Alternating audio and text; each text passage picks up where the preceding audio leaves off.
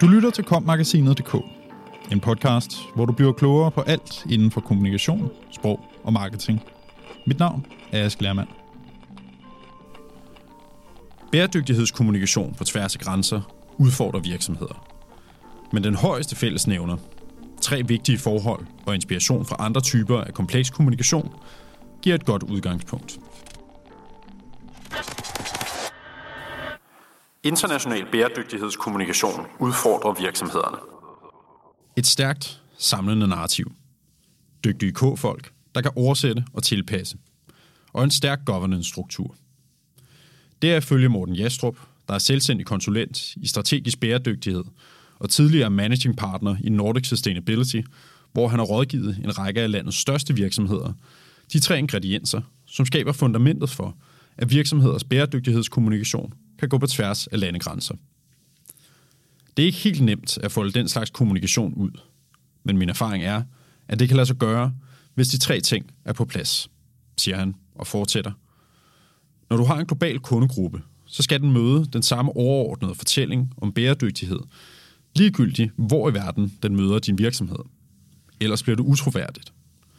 Men det er heller ikke helt nemt, fordi du skal også være opmærksom på, at tingene kan betyde noget meget forskelligt i forskellige dele af verden.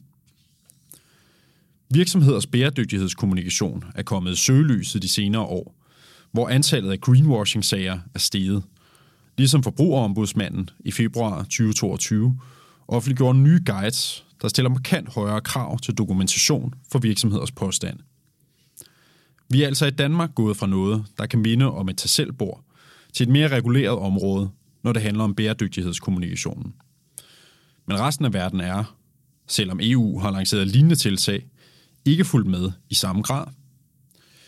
På det lange stræk minder det, der nu kommer fra EU, meget om det, som er kommet fra forbrugerombudsmanden. Og det interessante for virksomheder er, at hvis man lever op til en mærkningsordning eller certificering, så må man selvfølgelig kommunikere det, siger Morten Jastrup, der fortsætter. Men virksomheder, og måske især de store, har haft svært ved, at de ikke længere selv bare kan definere, hvad de synes er bæredygtigt. Det er ikke længere et tag selv bord for virksomhederne. Morten Jastrup opsummerer, derfor skal du kommunikere konkret. Du skal have dokumentation, og du skal kommunikere på en måde, hvor du ikke tager udgangspunkt i dine egne hjemmelavede definitioner. Markedet for bæredygtighedskommunikationen er relativt moden i Skandinavien, men modenheden kan jo være lavere i mange andre lande. Hvad betyder det for kommunikationen? Hvis du er en international virksomhed, så skal du tage udgangspunkt i den højeste fællesnævner. Du skal ikke gøre noget et andet sted, som du ikke kan gøre derhjemme, siger Morten Jastrup. Han forklarer, at virksomheder med fordel kan begynde at se bæredygtighed som et kvalitetsparameter på linje med design, funktion og pris. Udfordringen er, at det sker i forskellige tempi på de forskellige markeder. Og så må du vælge, hvilke af dine kvalitetsparametre du som producent tror, at dine kunder er mest interesseret i. Men den udfordring afspejler også, at hvis du er en stor virksomhed, der skal arbejde på mange markeder, så er du nødt til at have en fleksibilitet, så du kan kommunikere på en måde, der bliver forstået i det marked, du er i, siger Morten Jastrup, der tilføjer. Vi taler derfor ikke om den samme historie i alle lande, men om en narrativ, der sætter nogle hegnspæle.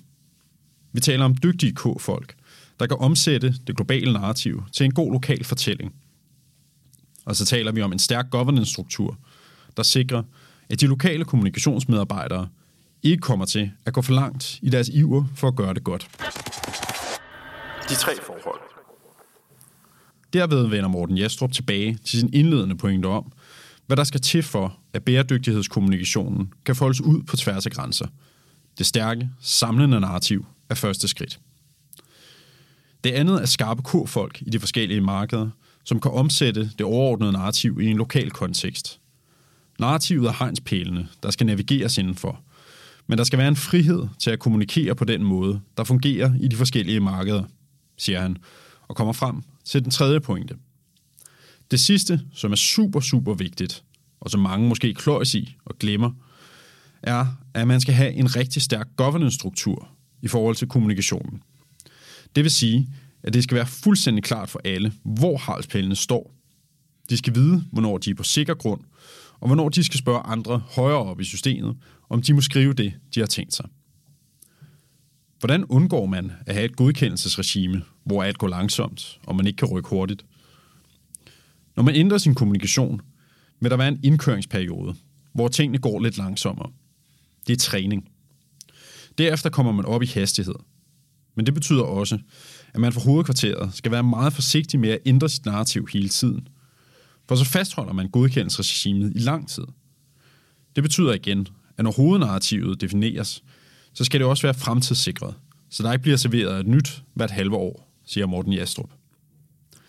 En helt isoleret udfordring er, ifølge Morten Jastrup, at en del virksomheder helt holder sig fra at kommunikere om bæredygtighed.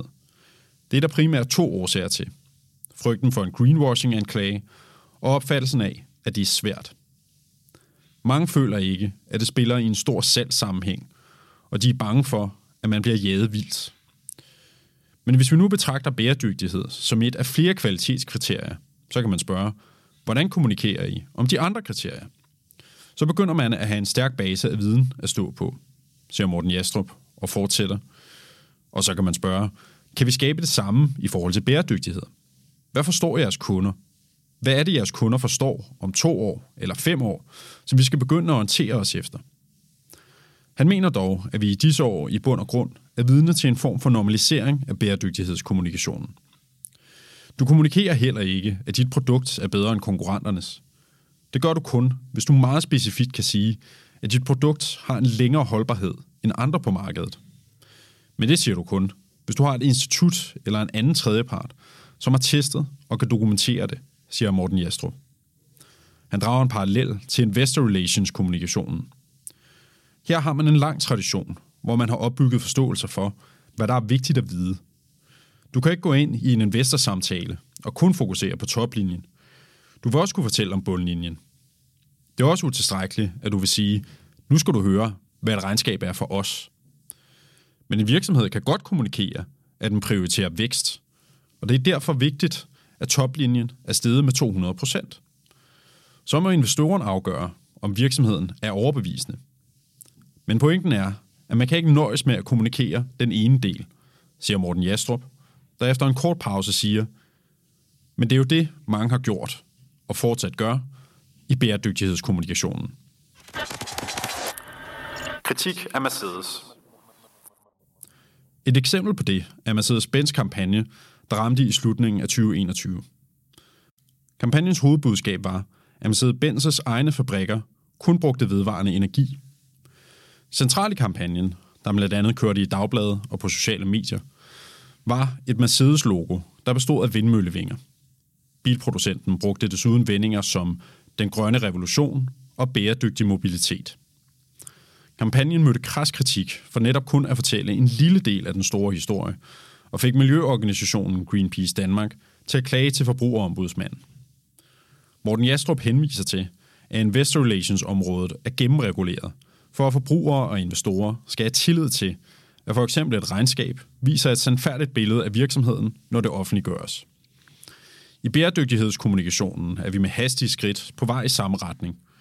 Men det er også et udtryk for den her tag hvor man tror, at bæredygtighed er noget, man selv kan vælge til og fra, er på vej ud, siger han, og henviser til det nye EU-direktiv, Corporate Sustainability Reporting Directive, CSRD, og de opdaterede standarder for rapportering, European Sustainability Reporting Standards, ESRS. Man skaber en form for overenskomst. Det sker også for at sikre, at forbrugerne kan se, hvordan en virksomhed klarer sig, og man kan sammenligne virksomhedernes forhold til hinanden, siger Morten Jastrup. Du lyttede til kommagasinet.dk, podcasten til dig, som elsker kommunikation, sprog og marketing. Subscribe, del og lyt med i næste uge. Podcasten er indtalt af Anne Nim og Ask Lermand, produceret af Mark Justesen Pedersen og udgivet af Kommunikation og Sprog.